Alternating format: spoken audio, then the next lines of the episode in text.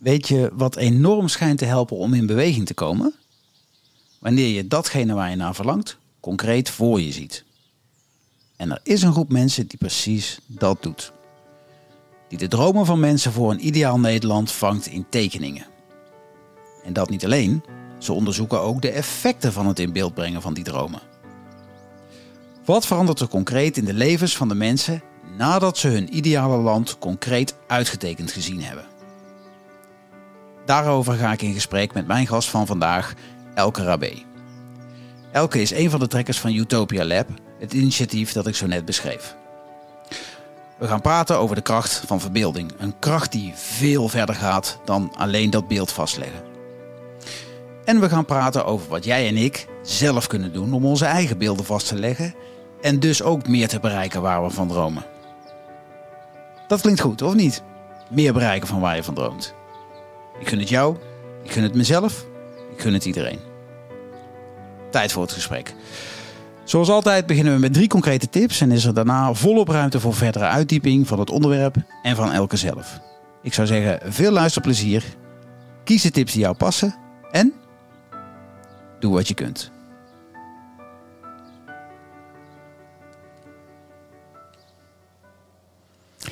Nou, daar zitten we. Buiten jouw tiny house. Uitkijkend. Ik kijk in ieder geval uit over de velden. Jij kijkt onder andere net op een haas hè? en op een uh, klein prieeltje hierachter. Ja, inderdaad. Uh, ja, nou daar zitten we dan. ja. Uh, ja, ik begin eigenlijk altijd met dezelfde vraag, Elke. Waarom ben jij degene die dit in een stroomversnelling brengt? Um, nou, ik denk dat ik dan eerst wat vertel over Utopia Lab, want we zijn met meerdere. Ja, ja, ja. Um, ik denk dat uh, als Utopia Lab door mensen te laten verbeelden, um, in elk geval iets, iets positiefs uh, teweeg brengen. En um, niet alleen de mensen die meedoen, maar ook wij als Utopia Lab, dus iedereen die daaraan meewerkt. Mm als je veel doet op het gebied van uh, klimaat of iets, iets sociaals, dan kan je ook wel eens wat moedeloos worden. En een beetje positiviteit kan dan volgens mij uh, geen kwaad. Jullie zijn een soort positieve tegen, tegengif, zeg maar, of, of uh, voorgif. Nou ja, het gaat, ja, het, gaat, het gaat in elk geval meer over wat we wel zouden willen. En ja.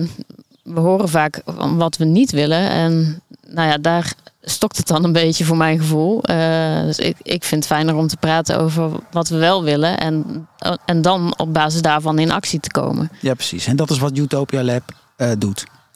Ja, dat, we beginnen met dat gesprek. En dat is op zichzelf al uh, heel mooi, vind ik zelf altijd. Mm -hmm. zowel voor degene die meedoet als voor ons als interviewers. Want je komt in de meest schitterende landen. Mm -hmm. um, landen en, ook buiten Nederland dan?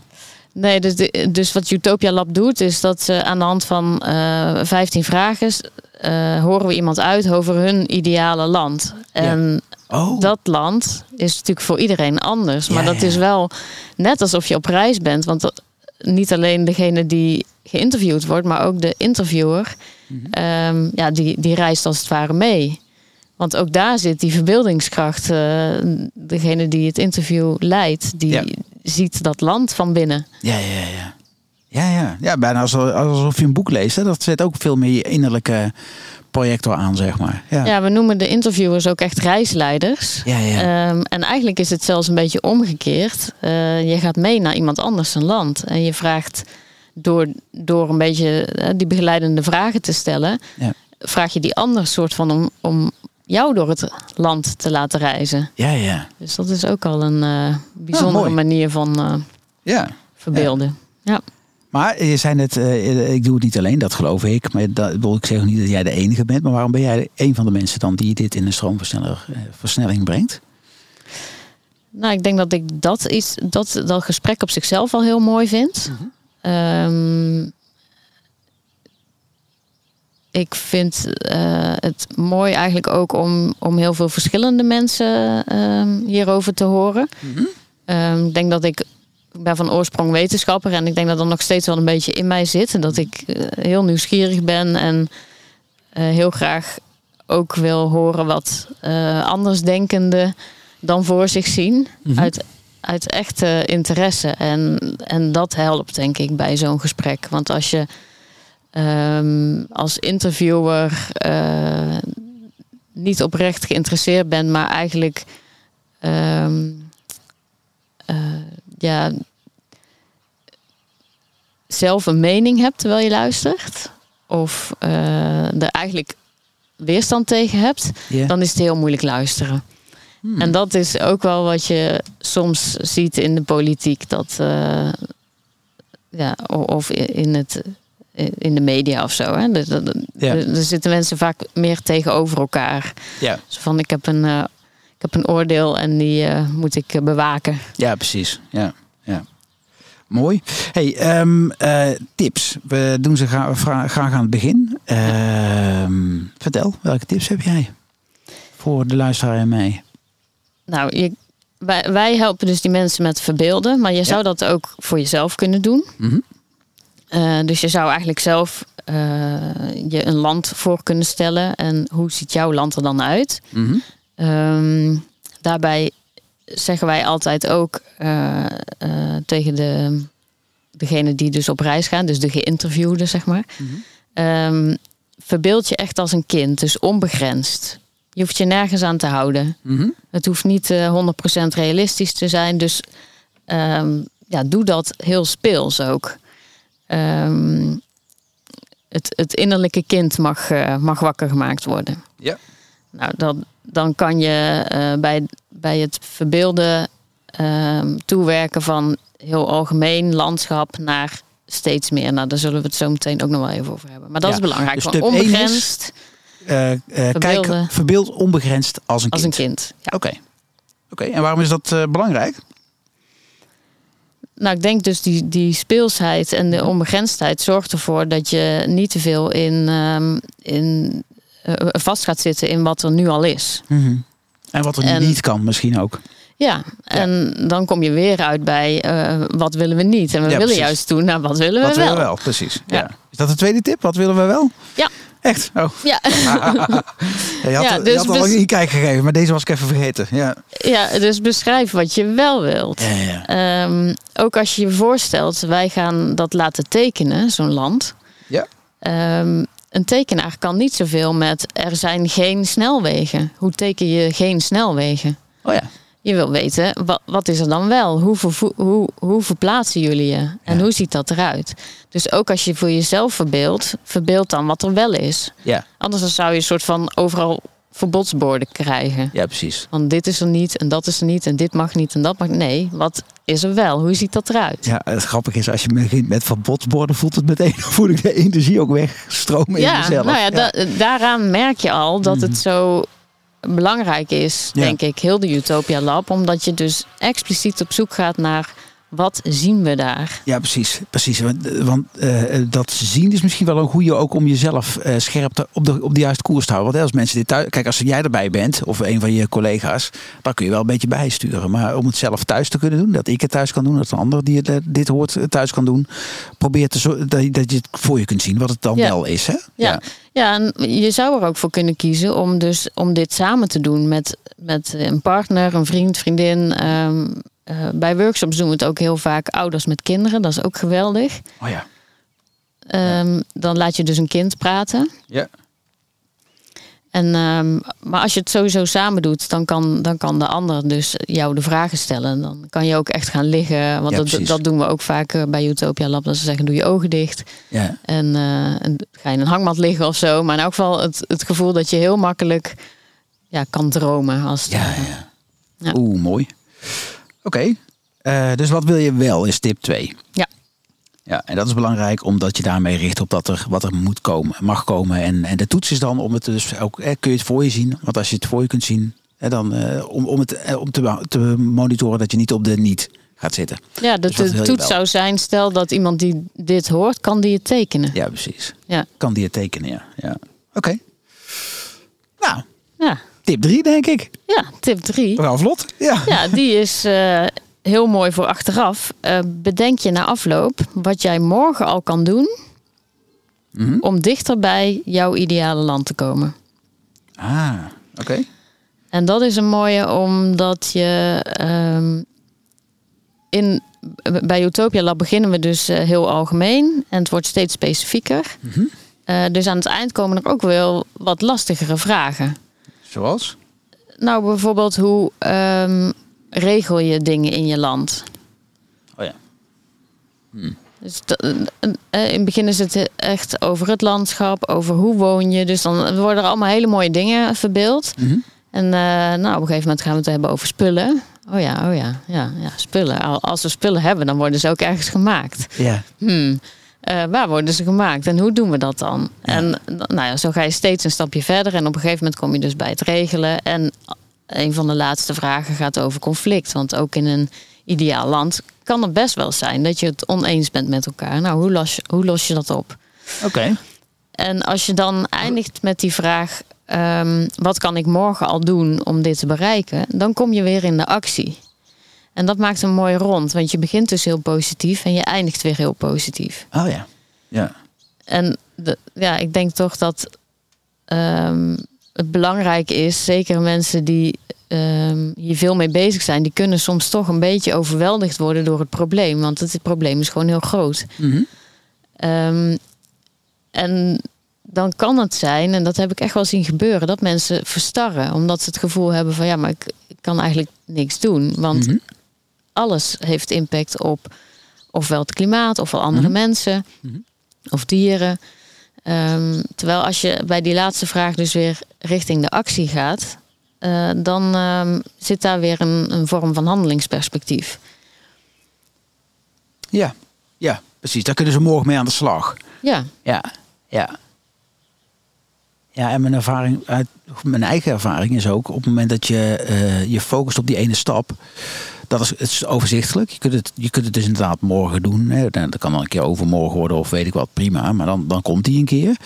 En vaak met het lopen naar die volgende stap, of met de beweging naar die stap eh, afronden, verschijnt er ook wel weer nieuw inzicht voor wat een volgende stap zou kunnen zijn. In plaats van een heel uitgestippeld pad, hè, waar je, wat het Ja. nog wel eens groot en, eh, en onoverzichtelijk maakt. Ja, klopt. En met al die kleine stappen bereik je uiteindelijk best wel veel. Want eh, ik weet niet of we daar nu al naartoe eh, kunnen, maar ehm, ehm, gedrag is best wel besmettelijk. Oké, vertel.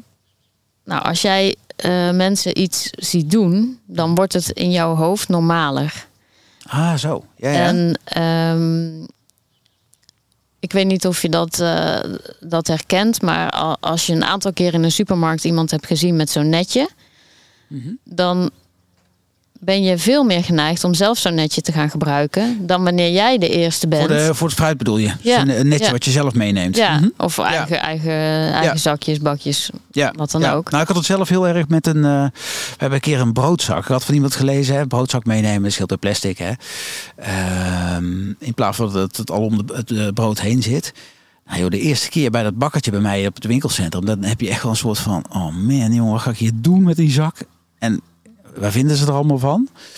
Nou, gelukkig deden ze er vrij normaal over. Maar ehm, dat, dat is wel een drempel, zeg maar. Als jij de eerste bent, vind ik hem lastiger dan dat ik al tien mensen datzelfde zie doen. Dat, Ja. dat bedoel je, hè? Ja, en dat, Ja. Is, dat is heel typisch wat je nu zegt. Want ehm, die, die eerste mensen, de, de voorlopers, dus je hebt zo'n zo'n eh, diffusion of innovations heet dat. Dat is zo'n curve Mhm. van de, de early adopters. En je kent hem vast wel. Ja. Ehm,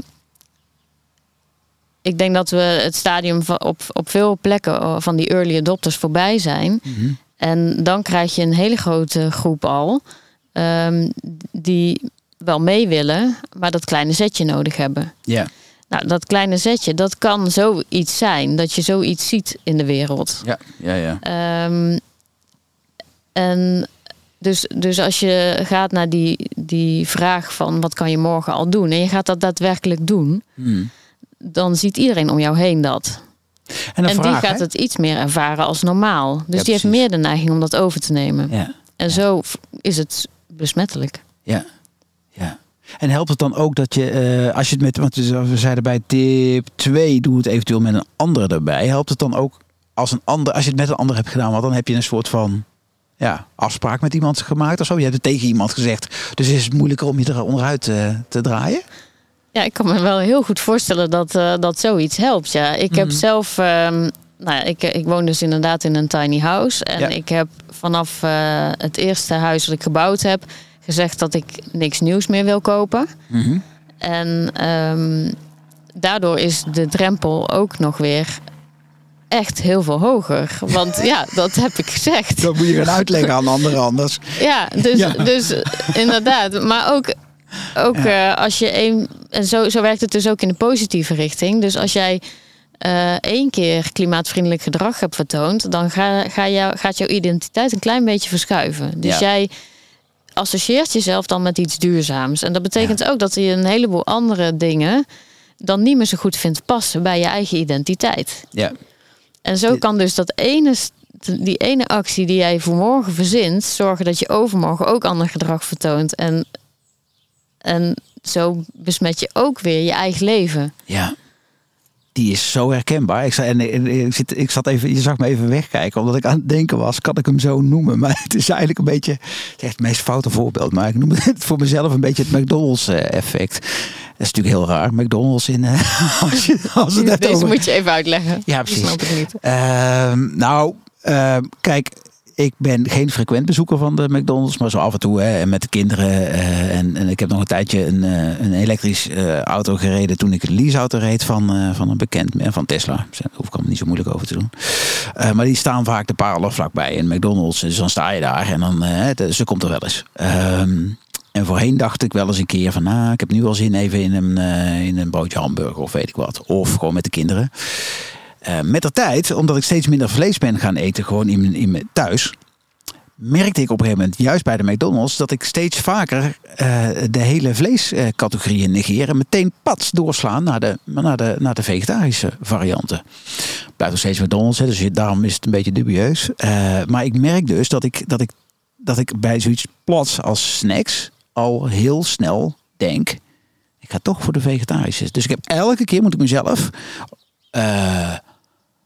permissie geven, zeg, toestemming geven om misschien een keer vlees te doen. Maar dat doe ik dus ook bijna nooit meer. Dus ik moet mezelf, waar ik voorheen over een drempel moest zetten om vegetarisch te kiezen, moet ik nu een drempel over om vlees te kiezen.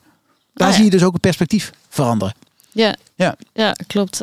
Ja, dat zou je ook nog veel meer uh, toe kunnen passen. En de grap is dat we dat in heel veel uh, Utopia-landen ook wel horen. Ja. Um, dat, dat de dingen dus omgekeerd worden. Dus dat een, een, voorbeeld in het dagelijks leven, dat een mm -hmm. kaart bij een restaurant um, gewoon gerechten heeft. En dan ergens rechtsonder in een hoekje, als je nou toch vlees wil, dan hebben we ook vlees. Ja, ja, dat is dus de ja, omgekeerde van hoe het vroeger was met vegetarisch eten. Dat je een klein hoekje had met vegetarisch eten. Ja, precies. Nou, die, dat soort omkeringen, die komen ook doordat er die early adopters zijn geweest, die, um, die, die die hoge drempel wel hebben genomen. Ja, precies. Ja. En die dat zijn gaan vertonen, waardoor wij ons minder raar voelen om Ja. dat gedrag te vertonen. Ja, ja. het wordt normaler. Zeg Het maar. wordt normaler. En ik denk dat we nu zelfs al langzaam tegen een omslagpunt zitten waarbij je ehm, de, een, een nog grotere, dus, dus zeg maar, je hebt dan in die ehm, curve heb je een aantal ehm, groepen. Ja. En ik denk dat we langzaam al bij die andere groep zijn. En het mooie daaraan is, is dat is een soort van kantelpunt. Ja, ja. Want als je daar overheen bent, dan ehm, wordt het zo normaal Ja. dat het eerder abnormaal is Mhm. om het andere te doen. Ja. Dus het is nu redelijk abnormaal om eh, je McDonald's zakje eh, na afloop uit het raam te knikkeren. Ik zie dan wel veel eh, bewijs ervan, laat ik het zo zeggen. Dat klopt, maar daar wordt ook Ja. wel verontwaardigd op gereageerd. Ja, ja, nou, dat klopt. Dat klopt. Ja. Ja, grappig. Oké, maar, dat, maar dat is wel mooi wat je nu aankaart. Wat, ehm, ehm, je opmerking dat je ziet dat mensen aan het bewegen zijn, zeg maar. Hè? Dus dat, dat dat dat in beweging aan het komen is. Maar, maar ook dat je een lijn in, je, in de tekeningen ziet dat er eigenlijk het vaker al voorbij de huidige realiteit is. Hè? Dus dat, we, dat het gewoon wordt om minder vlees te eten. Die had je me eh, eerder een keer verteld. Ja. Als je nou kijkt naar, de, naar alle tekeningen eh, eh, bij elkaar. Je hebt, er zijn er iets van 100 geloof ik gemaakt. Nou, we hebben bijna 100 eh, mensen geïnterviewd. Mhm. De tekeningen die worden op dit moment nog gemaakt. Dus dat is Mhm. natuurlijk ook heel veel werk. Dus Ja, daar ja. zijn ze nog heel Ja. druk mee bezig. Mhm. Ehm, en ik heb niet alle interviews gedaan, gelukkig. Maar wel een heleboel. En ik heb er ook een heleboel geluisterd. Ehm, en voordat we, we, zijn nu dus een project aan het doen. Ja, Ehm, daar wil ik zo meteen even op, op inko uh, gaan. Maar waar ik nu even benieuwd naar ben, is wat, wat zijn nou opvallende rode draden in de, in de als je, wat jij tot nu toe gezien hebt. Hè? Dus zonder te zeggen dat dat dan alle honderd van uiteindelijk uh, zijn. Maar ja. wat je nu, wat is, wat, wat is jou opgevallen? Nou ja, wat je bijvoorbeeld heel veel hoort, is iedereen heeft een eigen moestuin. Uh -huh. Ja. Oh. Ja, en dat, dat vind ik op zich wel opvallend. Want ik vraag me dan wel eens af: heb je zelf wel eens een eigen moestuin gehad? Want dat is nog helemaal niet makkelijk. Oké. maar dat hoor je dus heel veel. Uh, Kleinere huizen hoor je heel veel. Ja. Uh, minder snelwegen, sowieso minder verkeer. Um, oh. En um, ja, het, het verbaast je misschien, maar in het geheel uh, worden sowieso de, de altruïstische en biosferische waarden uh, veel meer genoemd. Ik weet niet of je weet wat dat is. Ja, altruïstisch, laat ik zo zeggen, altruïstisch weet ik nog wel. Biosferisch klinkt wel een beetje uh, vaag. Nou, bio, ik toch, ja. ja, biosferisch gaat eigenlijk over, over goed voor de natuur, uh, ecologisch. Kijk, dat is een stuk duidelijker. Goed voor de natuur. En die andere is dan goed voor elkaar. Voor, voor altruïstisch de, voor, ja, voor, voor de ander, ander, of voor, voor, ja, meer voor de het, ander, het geheel. Ja, ja, Voor, voor de gemeenschap. Ja, maar altruïstisch is voor mij juist meer de ander. Of is het meer de gemeenschap? Uh, nou ja, de ander in jouw gemeenschap wel. Want het, ja, precies, het, ja. het, is dus uh, heel veel samen, zeg maar. Ja, ja. Oké, okay, wat en, mooi. En die, zijn, die worden uh, meer genoemd dan hedonistische. En dat is gericht op jouzelf. Ik voor mezelf, ja. Ja. nee, nee oh, sorry, ik zeg het verkeerd. Egoïstisch is voor jezelf. En hedonistisch is, is plezier. ja. ja. Genot. Ja. En dat staat uh, helemaal in lijn met een heel groot onderzoek dat is gedaan in Europa. Okay. Naar uh, iets van 22 landen. En daar kwam precies dat ook uit. Dat vind ik ook iets bijzonders, want dat weten we eigenlijk niet. Terwijl als we dat wel zouden weten, krijg je hetzelfde effect als. Wat we, dat weten we niet. Wat weten nou, we we weten niet dat. Tenminste, ik, ik vind niet door uh, dringen tot, uh, van, vanuit media en zo, dat wij zo uh, meer gericht zijn op mm -hmm. natuur, op elkaar, dan op genot en comfort en ikzelf. wat je uit de media meekrijgt, is, is eerder het tegenovergestelde. Ja, precies. Um, en wat we net zeiden met dat besmettelijke gedrag. Ik denk dat als we weten dat je eigenlijk eerder raar bent als je heel erg op jezelf gericht bent en op alleen maar genot. Ja. Um, als je gaat voelen dat jij daarin de minderheid bent, dan, dan ben je, je ook... ook, weer meer ja, geneigd ja, ja, om, om iets aan te veranderen. Ja, die andere waarden te, of nou valt toe te geven dat jij die belangrijker vindt. Want we vinden dus die waarde belangrijker. Alleen, we hebben het er niet over. Dat is wel grappig, ja. Want de, um, een van de, nou, de twee pijlers waar ik al een tijdje zelf uh, mijn activiteiten om groepeer, zijn precies deze twee. Meer groen, meer sociaal. In mijn woorden, hè. Dat, dat, dus meer, meer, meer voor elkaar. Ja. Uh, dus meer voor de natuur, meer voor elkaar. Um, en dat is eigenlijk precies wat hier uitkomt. Terwijl ja. het inderdaad voelt als iets, het, zoals ik hem uh, ervaar, hè, is dat het iets is wat volgens mij dan ook iets wat echt in de genen van de mensheid zit. Dat. In de genen van de mensen. We zijn groepsdieren, hè? Maar dat het lijkt. Ik heb lang het gevoel gehad dat daar een soort van stoflaag over zit. Maar feitelijk zit die stoflaag misschien wel over in de beleving en in wat je waarneemt als je nou, kranten leest en als je. Uh, nou, ik wou zeggen als je op veel plekken bent, maar daar twijfel ik zelfs over. Hè? Dus als je om je heen kijkt gewoon. Maar eigenlijk is er dus heel veel verbinding. En heel veel wens naar dat al. Alleen het moet nog Ja. wat meer.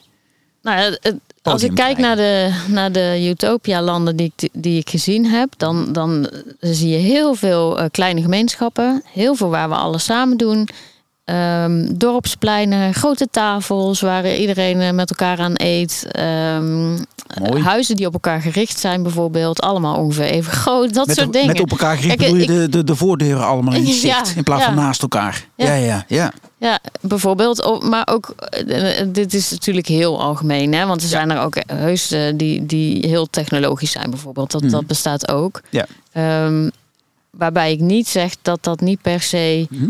Ehm, dan niet samen is. Maar Nee, precies. hè, je, komt ook wel, wel mensen tegen die juist graag in een grote bruisende stad Ja, leven. Tuurlijk. Ja. Maar het was wel opvallend hoeveel grote tafels, marktplaatsen. En dat is niet terug te voeren nadat je, nou laten we zeggen, in de links-progressieve hoek of weet ik wat, of in de, in, vooral in, in boerenkernen of weet ik wat. Je hebt een echt een dwarsdoorsnede gesproken met die mensen.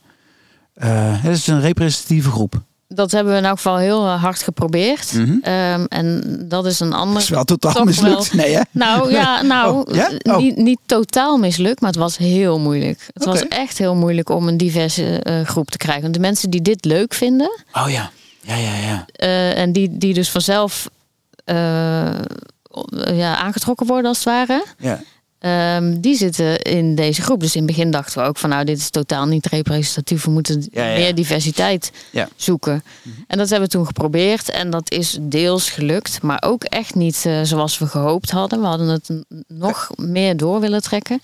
Maar wat je dan ook ziet, is dat mensen het dus moeilijk vinden om te verbeelden. Ja, precies. Die, er zijn dus mensen die nooit echt iets is gevraagd. En dan denken, ja, uh, weet ik veel. Ja, uh, gewoon zoals het nu is. Zeg het maar. Dan, dan, ja, ja maar dan wordt het moeilijker te verbeelden. Ja. En dat, dat vind ik wel, wel ook moeilijk om te constateren hoor. Dat er mensen zijn die zo weinig worden gevraagd van wat wil jij nu eigenlijk? Mhm. Dat ze het zich niet kunnen verbeelden. Ja, ja. Oké. Hey, en jullie gaan, uh, wat, uh, er komt een, uh, een tentoonstelling aan hè, op de Dutch Design Week, geloof ik. Ja. Wanneer is die? Die is 21 tot 29 oktober in Eindhoven in 2023. Hè? Want deze, zo'n podcast blijft lang staan. Dus ja, zeker. daar komt weer een andere hopelijk. Ja. Uh, in Eindhoven. Ja, in Eindhoven. Oké. En uh, want daar willen jullie de uh, resultaten en de platen laten zien. Toch? Ja.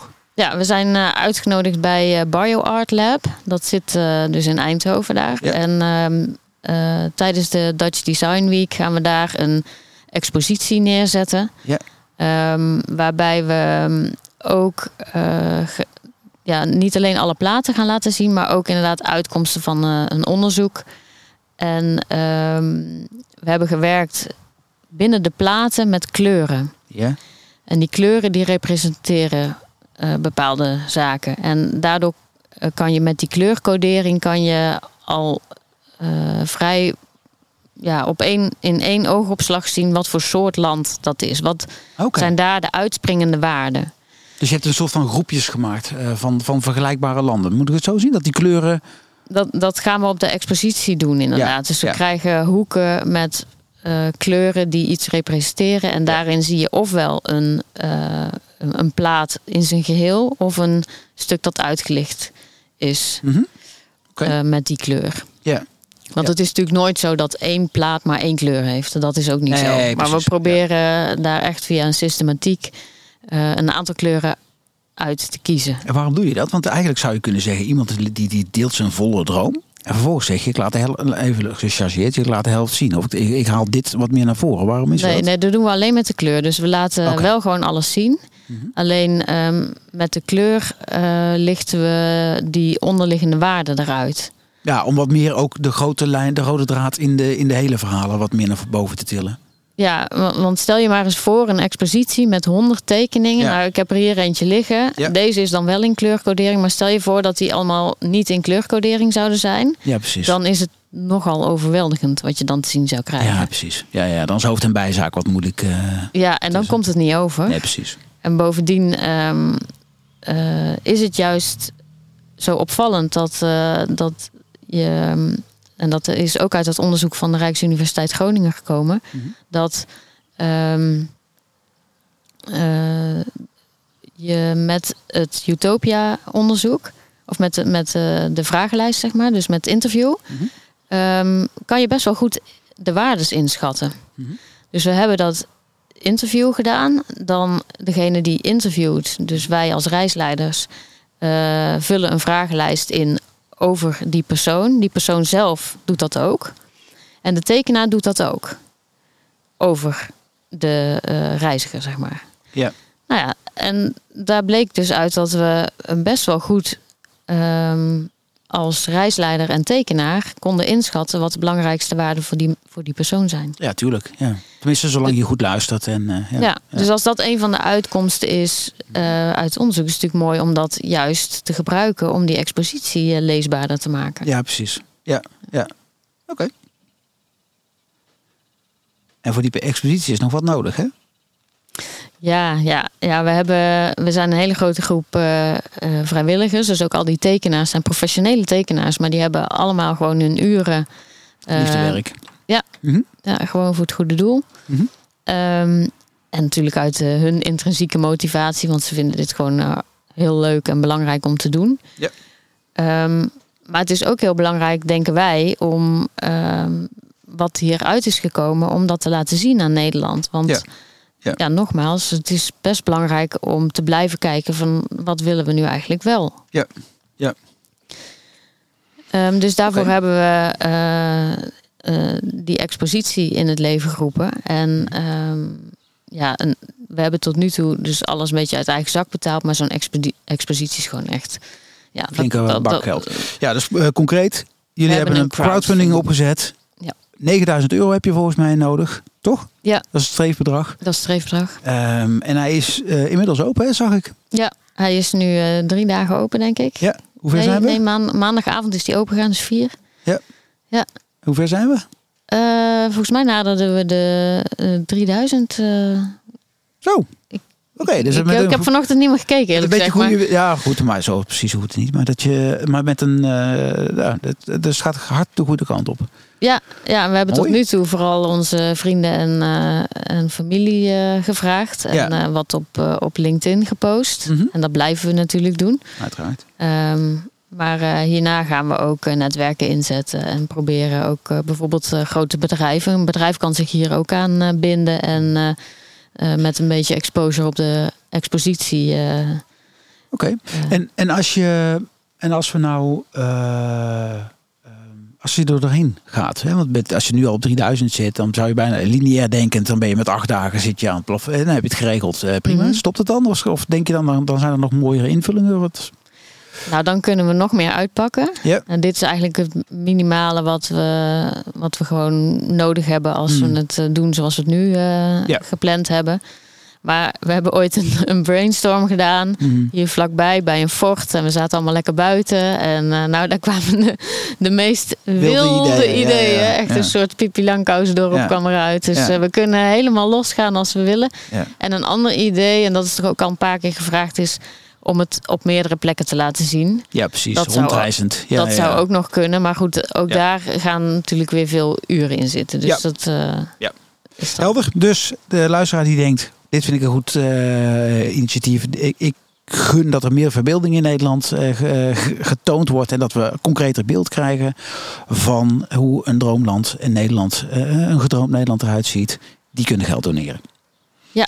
En dat is waar. Of, of uh, de boodschap verspreiden, ook helemaal goed. Beide, beste. Ja, ja. En waar moeten ze dan zijn?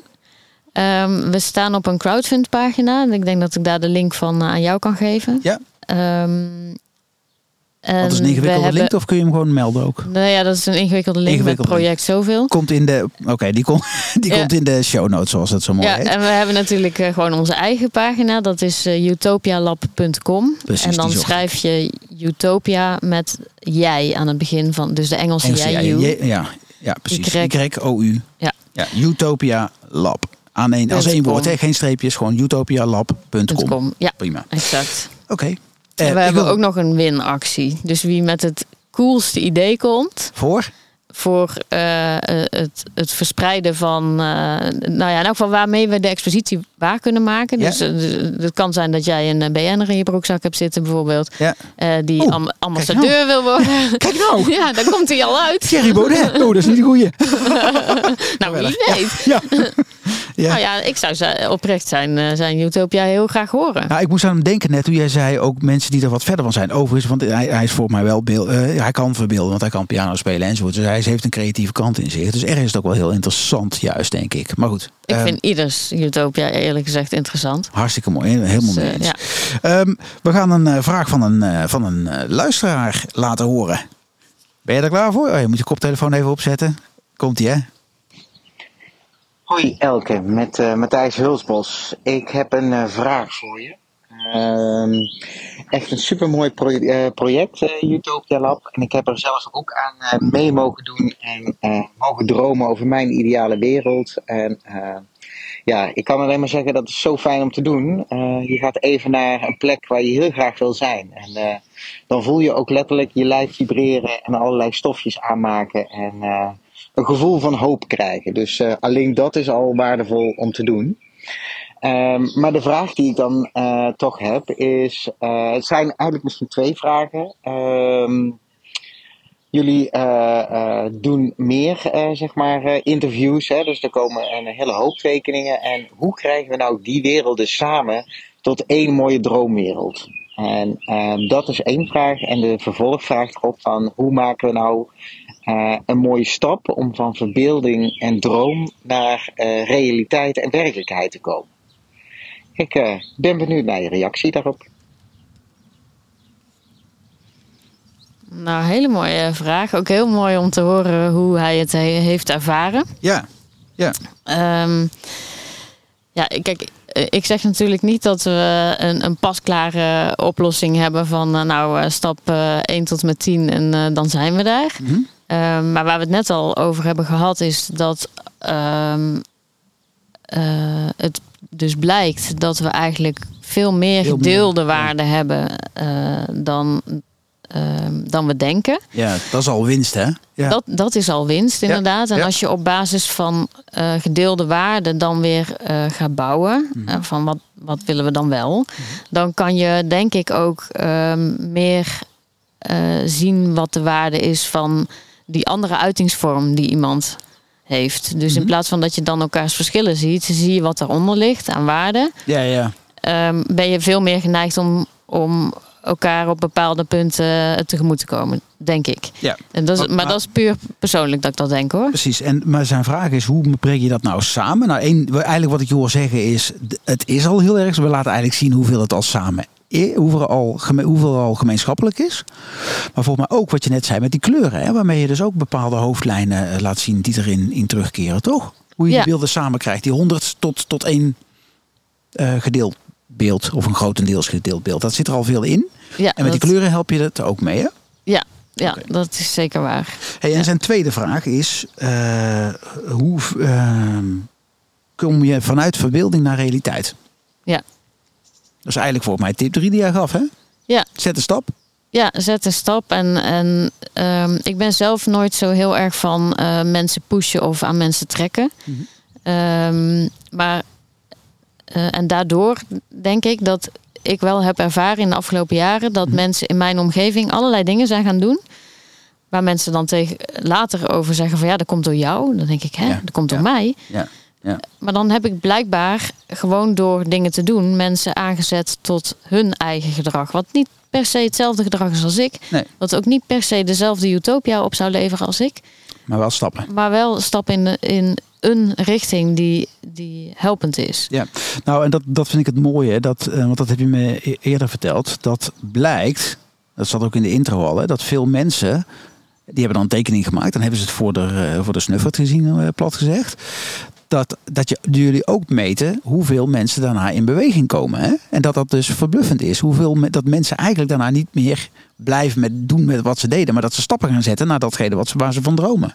Ja, en dat is niet eens uh, door de tekening, maar alleen al door het interview. Want die tekeningen die worden pas geëxposeerd. Oh, die zien in ze oktober. Dan pas. Oh, die dus die zien pas. ze dan pas. Oh, dus ze doen het eigenlijk op hun innerlijke uh, Op een- afbeelding, ja. zeg maar. Oh, Ja. oh dat Ja. is niet. Oh, wat vet. Oh, dus dat is nog sterker dan. eh, dus, dus eigenlijk zit de, zit de kracht misschien nog wel meer van binnen dan in het plat eh, vastleggen van die tekening. Ehm, ja, het, vastleggen van de, van de tekening is vooral ook om het weer aan anderen te laten zien. ja. En eh, om eigenlijk precies wat aansluit bij deze vraag. ehm, om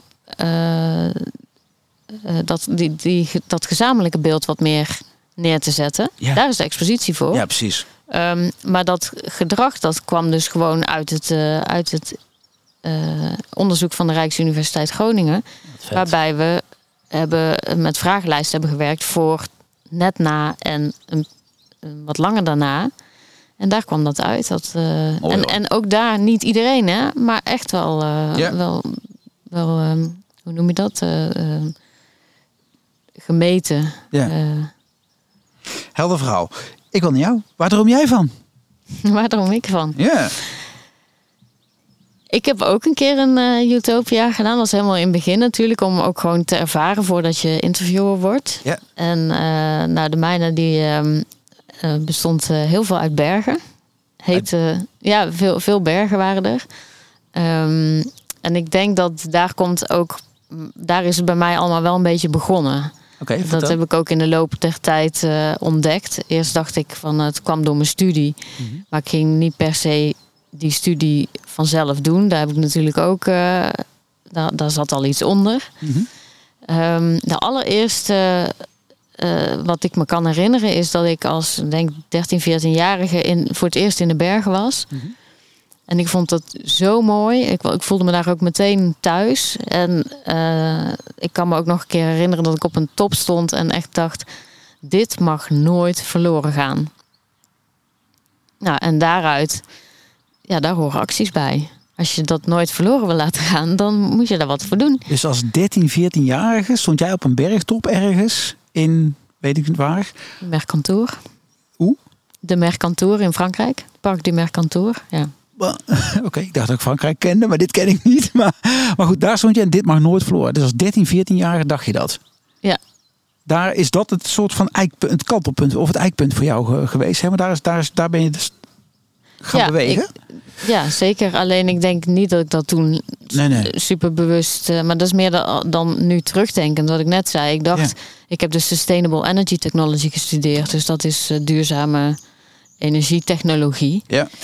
Um, en wat me daarin aantrok was die combinatie van maatschappelijke kant en de technische kant.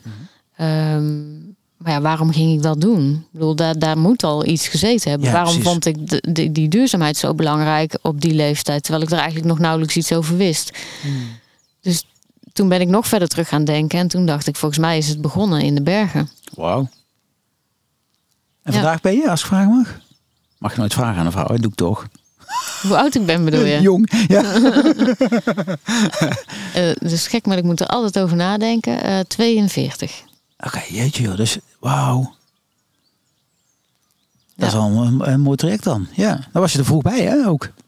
Ja, Ook in de Ja. tijdsgeest gekeken, zeg maar. Ja, Ja, en toen was het dus, en dan komen we weer terug op wat, waar we het er net over hadden. Toen was het wel nog een beetje, ja, d- dat imago was niet best. Hè? Nee, het was nee. toch een beetje de geitenwolle sokken. Geitenwolle sok, eh, precies. ja. Ja. Eh, zo voelde ik dat zelf overigens helemaal niet. Maar dat was meer hoe de buitenwereld het neerzette. ja, ja. Want je komt niet uit een gezin waar, eh, waar, eh, waar al eh, heel erg met duurzaamheid Nee. bezig was, hè, Ah, begrijp nee, ik? helemaal niet. Nee. Helemaal niet als in... Nou ja, daar, daar, werd, heads daar en, werd gewoon niet over gesproken. Nee, nee. Oh, ja, nou, Ja. we aten niet heel veel vlees. Maar dat was meer gewoon omdat mijn moeder dat niet lekker vond, geloof ik. Ah, Oké, ja. ja. Trouwens, dat is niet helemaal waar, want tegenwoordig eet zij wel nog vlees en ik niet. Maar eh, Ja, ja. ja. Wauw. Maar eh, oké, dus jouw je droom, hè, ik vroeg waar droom jij van? Bergen en Ja, verder. ja, er kwamen ook heel veel eh, speelse elementen in voor, zoals eh, kabelbanen. En, eh, Dus het, het kind in mij eh, werd echt heel goed wakker gemaakt. Oké. Ja. En wat heeft dat bij jou dan voor effect opgeleverd? Is het kind meer naar voren gekomen sindsdien? Nou, dat, dat was al een tijdje zo. Dus ik eh, heb bij het ehm, bouwen van mijn eerste tiny house eh, ooit besloten. Want toen, toen zat ik best in een lastige positie. En, eh, en, en ik vond het bouwen zelf ook best wel zwaar. Ehm, eh, en op een gegeven moment was ik echt heel moe van iedere dag bouwen. Mhm. En ehm, nou, toen heb ik op een gegeven moment besloten van het woord spelen, play, dat wordt mijn woord van dit jaar. Oh, toen ja. ging ik op een heel andere manier ging ik, eh, dat klussen doen. En ik kreeg opeens weer heel veel lol en er werd muziek keihard gespeeld. Ik stond gewoon dansend eh, te klussen. En toen was het jaar voorbij en toen dacht ik, oh, dit vind ik eigenlijk wel jammer om los te laten. Dus eh, toen ben ik dat, dat gewoon... Contractverlenging. Ja, precies, contractverlenging. En dat, dat is elk jaar tot nu toe eh, doorgegaan. En iedere keer als ik ook weer merk dat ik wat lager in de energie kom, dan komt dat meestal daardoor. Doordat ik toch dat kind een beetje aan het loslaten ben. Te weinig speel. Te weinig spelen, ja. Ja. Dus spelen, ja, dat is echt... eh, is wel grappig, want ook dat, we hadden het er straks over, over eh, de natuur en elkaar, dat dat dichter bij de mensheid zit. Spelen ook, hè? ja, hoor je vaak. Dus ja, overigens klein even tussendoor. Want het, ik hoor af en toe wat geluid. eh, dat, ik weet niet of dat ook op de band eh, komt, zo gezegd. We zitten dus echt buiten, midden in, in de weilanden, zeg maar. Dus luisteraars, mocht je denken, hoor ik allemaal op de achtergrond? Leven. Buiten leven. Hyper de Ja. piep. En dat vieren. Ook, ook heel leuk om, om weer terug te komen op Utopia Lab. Dat is dus ook wat je heel veel hoorde in, in veel landen. Eh, dat we veel meer buiten zijn en eh, Ah ja, elkaar ja. ontmoeten op En spelen ook, eh, trouwens? Spelen ook. Ja? Ja, Ja. zeker. Ja, Oh, wat, wat, ik krijg er zin in. ja, En dan- wanneer was je? Eind oktober, hè, zei je? De, expositie. Ja. Oké, ja. Ehm, ik, ik wil iemand anders even het woord eh, geven. Of is er nog iets van jouw droom wat je zegt, dat wil ik gewoon nog eventjes eh, aan eh, stippen? Bergen, spelen.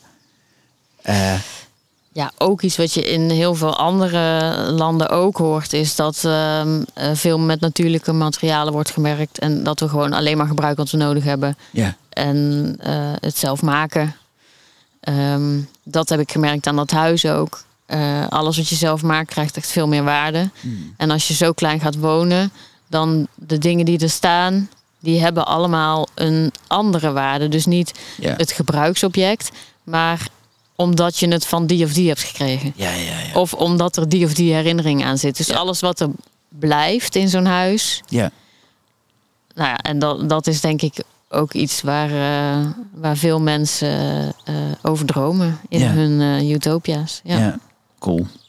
Wel leuk hoe je het steeds over landen hebt. Want elke keer moet ik een switch in mijn hoofd maken, merk. Dan ga ik eerst in landen, denk ik, oh ja, Frankrijk, Duitsland. eh, en dan blijkt het gewoon over, oh, of gewoon, dan gaat het over de, de gecreëerde landen. Ja. De, de droomlanden, zeg Ja. maar. Ja, leuk. Ehm, ik ga een goede vriendin van jou het woord geven. En dat eh, misschien wel, ja, eh, Martine. Die heeft de vraag. Ik ben wel heel benieuwd hoe jouw utopia eruit ziet. En of je daar iets over kunt vertellen. Oh, nou zeg. Die hebben we al gehad. Sorry Martine, ik heb, ik heb voor mijn beurt gesproken. Nou goed, hij zit er al in, denk ik hè? Ja, Ja, het wel. misschien zullen we nog een stukje over eh, hoe de mensen... eh, iets wat er in de, in- onderling tussen de mensen anders is in jouw droomland. Misschien ook wel een beeld bij. Ehm, ja, ik, eh, ik heb een van de dingen gedaan waar ehm, Annabella Meijer, dat is de, de initiatiefnemer van eh, Utopia Lab, die moet Ja. ook zeker even genoemd worden natuurlijk. Ja, Ehm, die moet er altijd een beetje om lachen, maar dat, dat gebeurde dus in mijn land ook. Je hebt het op een gegeven moment niet meer echt in de hand, hè, wat er gebeurt in, zo- in zo'n interview. Je, Mhm. je wordt zo meegenomen dat je, ja precies. eh, dat, dat horen we ook vaak van deelnemers, van eh, ik had niet verwacht dat ik dat zou zeggen. Mhm. Nou, een, van- een van de dingen die er bij mij dus eh, naar voren kwam, was dat, dat er helemaal geen oneenigheid was. Oh, De mensen die konden het gewoon allemaal heel goed met elkaar vinden. Oké. en dat is natuurlijk best wel, best wel typisch, want eh, dat is ergens een soort ehm, eh, problemen uit de weg gaan. Een beetje wegkijken eigenlijk. Eh, dus dat vond ik wel bijzonder om dat bij mezelf te, te ontdekken. Dat ik maar, maar waarom is dat bijzonder? Om dat bij jezelf te ontdekken? Omdat je de strijd zelf uit de weg gaat of juist hem niet uit de weg gaat?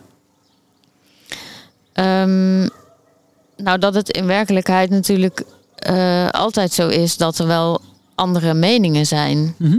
Ehm, nou, ben, ben, zit ik ook wel zelf zo in elkaar dat ik andere meningen altijd wel heel interessant vind. Mhm. En niet heel snel probeer te oordelen. Mhm.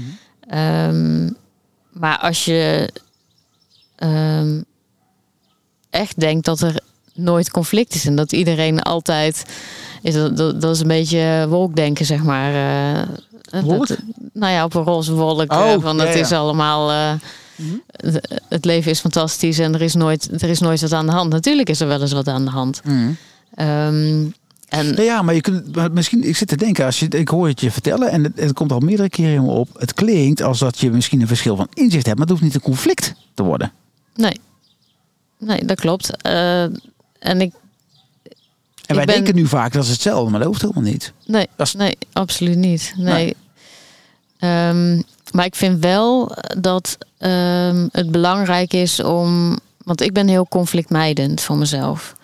Ehm, en dat is niet altijd helder. Dus ik vind wel dat de emoties ook gewoon. Daar ben, daar ben ik dan nu eh, in mijn volwassen kindleven. ben ik daar een beetje mee bezig. Om, Mhm. eh, om ook gewoon eh, gevoelens ehm, wel te uiten. Ja. En dat, dat is niet makkelijk. Maar ik vind wel dat, dat, dat het belangrijk is dat ook eh, emoties die, die worden nu vaak dan negatief genoemd, vind ik ook zoiets Ja. idioots eigenlijk. Maar ehm, boosheid bijvoorbeeld is een prachtemotie. Maak je maar boos. Ik maak me ook wel eens boos. Maar daar komt een hele hoop energie bij, eh, bij kijken. En nou, als je die op de juiste manier inzet, dan is het een prachtemotie volgens mij. En wat is de juiste manier om die in te zetten dan? Ik heb er zelf namelijk ook wel een eh, talent voor, zeg maar. Om boos te worden. Ja. Nou maar laat ik zo je- zeggen, de- ja, meestal dat ik dan te lang wacht met de grens aangeven. Dus als ik hem dan aangeef, dan, eh, klapt het, dan knalt het best wel. Maar wat is de, de, de, de, mooie, de schoonheid van boosheid? Ik vind het goed om die eens in het licht te zetten. Nou, de schoonheid van boosheid is. eh, Kijk naar, eh, naar bijvoorbeeld klimaatactivisten. Kijk, ik durf het niet zo goed wat zij doen. Maar daar zit me een kracht achter. En zij maken ruimte voor alles daartussenin. Dus wat is de Ik schoonheid ben- van de boosheid van Trump dan bijvoorbeeld? Want die moet er dan ook zijn. Gaan we even een eh, Nou, dan andere zou ik- kant op. nou, dan zou ik dus Trump heel, eerst heel veel vragen willen stellen. Want ik snap Trump niet zo goed. Ja. Ehm, dus voordat ik daar echt een oordeel over kan hebben en ehm, daar iets over Trump zou kunnen zeggen, wil ik hem spreken. Nee, oké, oké. Ja, nee, maar dat- dat- dat is wel vooral. nee, dat, dat, dat geloof ik, dat geloof ik. Maar wat, ehm, waarom ik ervan afstap is omdat. ik ben vooral benieuwd naar de. Oh, nee, ik- nou loop ik zelf uit mijn eh, camera of mijn, eh, mijn microfoon. Ehm, dat ik eigenlijk op zoek ben. Kijk, het voorbeeld van, van kijk wat klimaatactivisten, die is, die, die, dat is een, een, een valide voorbeeld uit sowieso. Eh, maar ik vind het ook wel interessant om eens een keer wat anders dan klimaat. nou, dat zeg jij, dat is een Ja. valide voorbeeld sowieso. Maar er zijn heel veel mensen die dat echt geen valide voorbeeld vinden. Nou, laat ik zo zeggen. Die zit in bepaalde. eh, eh, laat ik zo zeggen, als je in, in, onder duurzame mensen bent, vindt iedereen dat een fantastisch voorbeeld. Dus ik vind het ook wel mooi om een voorbeeld te kiezen wat niet op voorhand goedgekeurd is. Ook, dat is juist een tegenvoorbeeld, zal ik maar Ja. zeggen. Vandaar dat ik met Trump kwam, wat natuurlijk. Ja, maar dit, dit, is, maar, dit is een ja. vorm van eh, wat ik dan altijd noem perspectivistische lenigheid. Ja, Dus dat je in. eh, die ja. heb ik gejat hoor. kijk er eens van, anders eh, naar. Ja, die heb ik, die ja. heb ik gejat van eh, Elke Wis. Van eh, So- Ah, ja. Socrates op sneakers heeft zij geschreven. ja, ja. ja. En Oh, volgens mij heeft zij eh, die term ook weer ergens vandaan. Maar Tuurlijk. ehm, ik vind het juist zo mooi dat je dat zegt. Ehm, want bijvoorbeeld voor iemand als Trump eh, zijn die klimaatactivisten echt waanzinnig bezig. dat ja. slaat nergens op wat ze Ja. aan het doen zijn. Want er is en geen probleem. Nou, ik, ik noem nu maar wat. Hè. Ik weet niet of Trump zo Mhm. Nee, precies. Als voorbeeld. zo, maar als voorbeeld. Mhm. Dus ehm, ik vind juist eh, het, het proberen zo te zien dat die klimaatactivisten ehm, met net zoveel power bezig zijn als Trump op zijn pad. Ja. En als je elkaar dan toch ehm, tegemoet kan komen in de zin dat je nou ook van elkaar wil luisteren. ja, precies. En dat is natuurlijk wat bij Utopia Lab gebeurt. Je mag gewoon een half uur Ja. ononderbroken. Los. Want we gaan nergens tegenin. ja.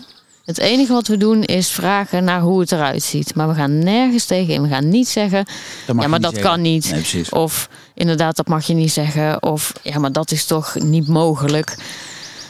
Dat is eigenlijk eh, gen- eh, eh, tip 4 dan. Hè? Voor als je zo'n, want we hebben drie tips aan het begin gehad. Hè? Help je eh, zelf met verbeelden. Verbeeld onbegrensd. Het Laat het kind los. Wat wil je wel? Wat kun je morgen al doen? Maar ook, eh, eh, ehm, ja, beperk het. Doe het. Ja, dat is, eh, dat is eigenlijk tip 1 misschien al wel. Hè? Dus de- de- le- leg het volledig open. Ja, Ja. ja en, en ik denk, ik dacht dat je naar tip 4 ging luister echt heel goed. In het dagelijks leven zou het ehm, denk ik heel helpend zijn als je ook echt met zo'n bril kan kijken. Dat je zegt van nou oké, eh, ik ben het niet eens met Trump. Maar ik ben wel heel nieuwsgierig naar. Ja. Want eigenlijk vraagt niemand hem ooit iets. Nee, precies. Nou, eh, eh, eh, ik weet niet of het hoorbaar is, maar ik, jij ziet het in ieder geval dat ik een beetje in de lach schiet. En dat kan ik je uitleggen. Het is zo grappig. Ik heb vandaag twee opnames. Dus de eerste is nu met jou. Hierna komt beter anders luisteren. Ah, En die is ook nog in dat, denk ik, in dat eh, fort waar jij het eh, net over had, waar jullie eh, die bijeenkomst Oh. hebben gehad. dat zou grappig zijn. Dat denk ik haast wel. Dus die acht minuten vandaan. aan de noordkant van Utrecht. Een fort. Ik ben even de naam kwijt. Maar ja.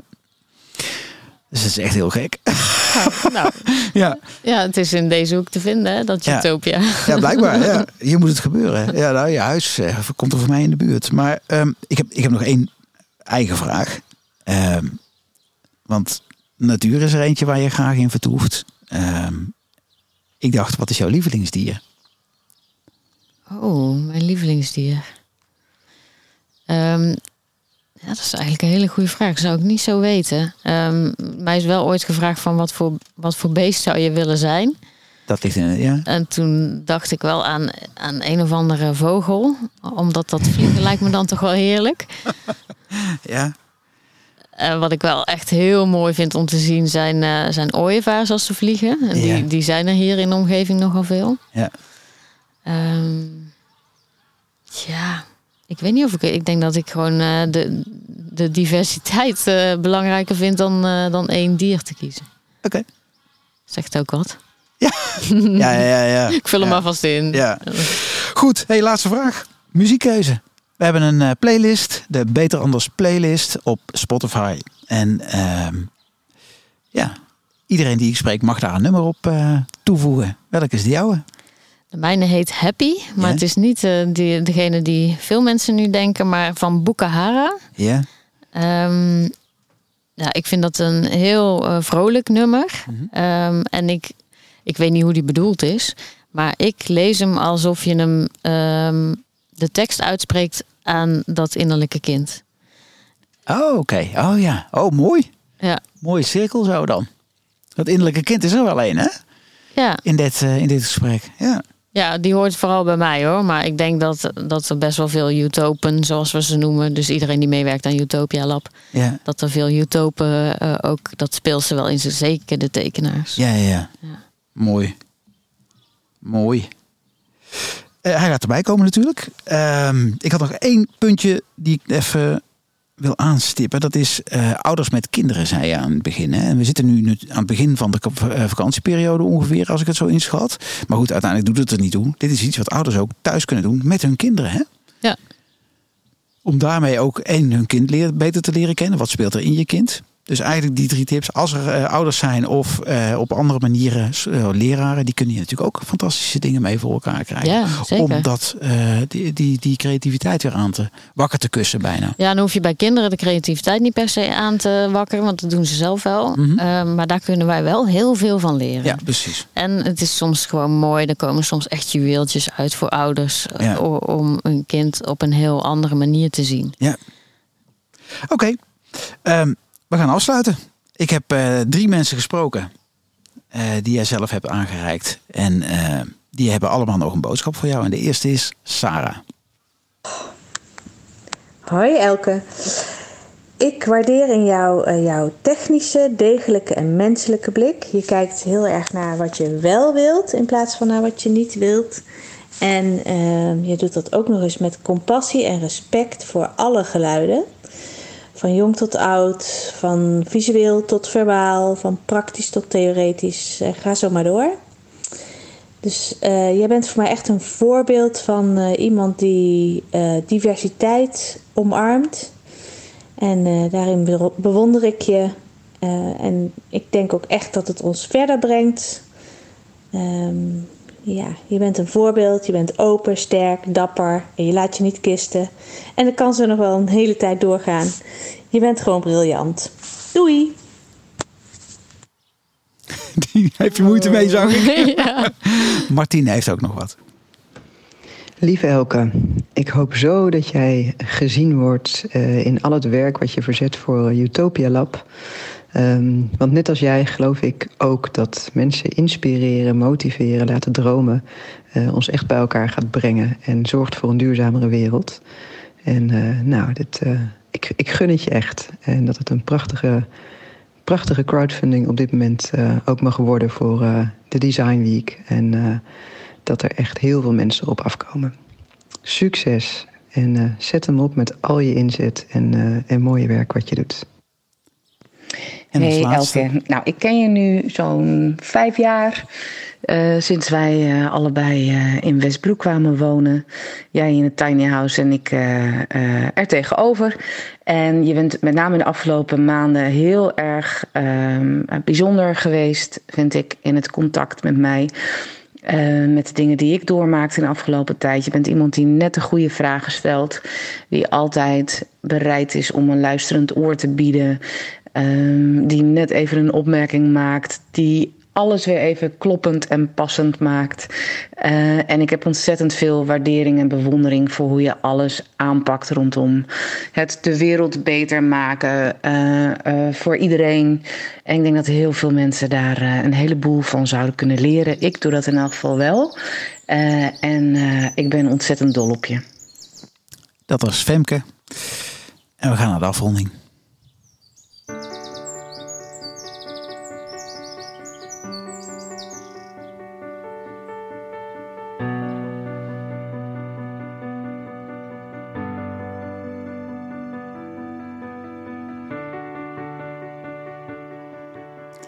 Zo, dan zit hij er weer op. Elke, dankjewel voor het fijne gesprek en de mooie tips die je gegeven hebt. Uh, nou, ik verwacht dat daar veel mensen mee aan de slag gaan. Luisteraar, mocht jij toch nog een vraag hebben aan Elke die je graag zou willen gesteld hebben, stuur dan een mail naar ludo.beteranders.nl. Dan zorg ik voor een antwoord. En mocht je iemand weten die je graag bij mij aan tafel wil hebben voor een volgende aflevering, ook dan een mail naar ludo.beteranders.nl. Dan rest me weinig anders dan je veel succes te wensen met het toepassen van de tips. En uh, fijne dag en tot de volgende keer.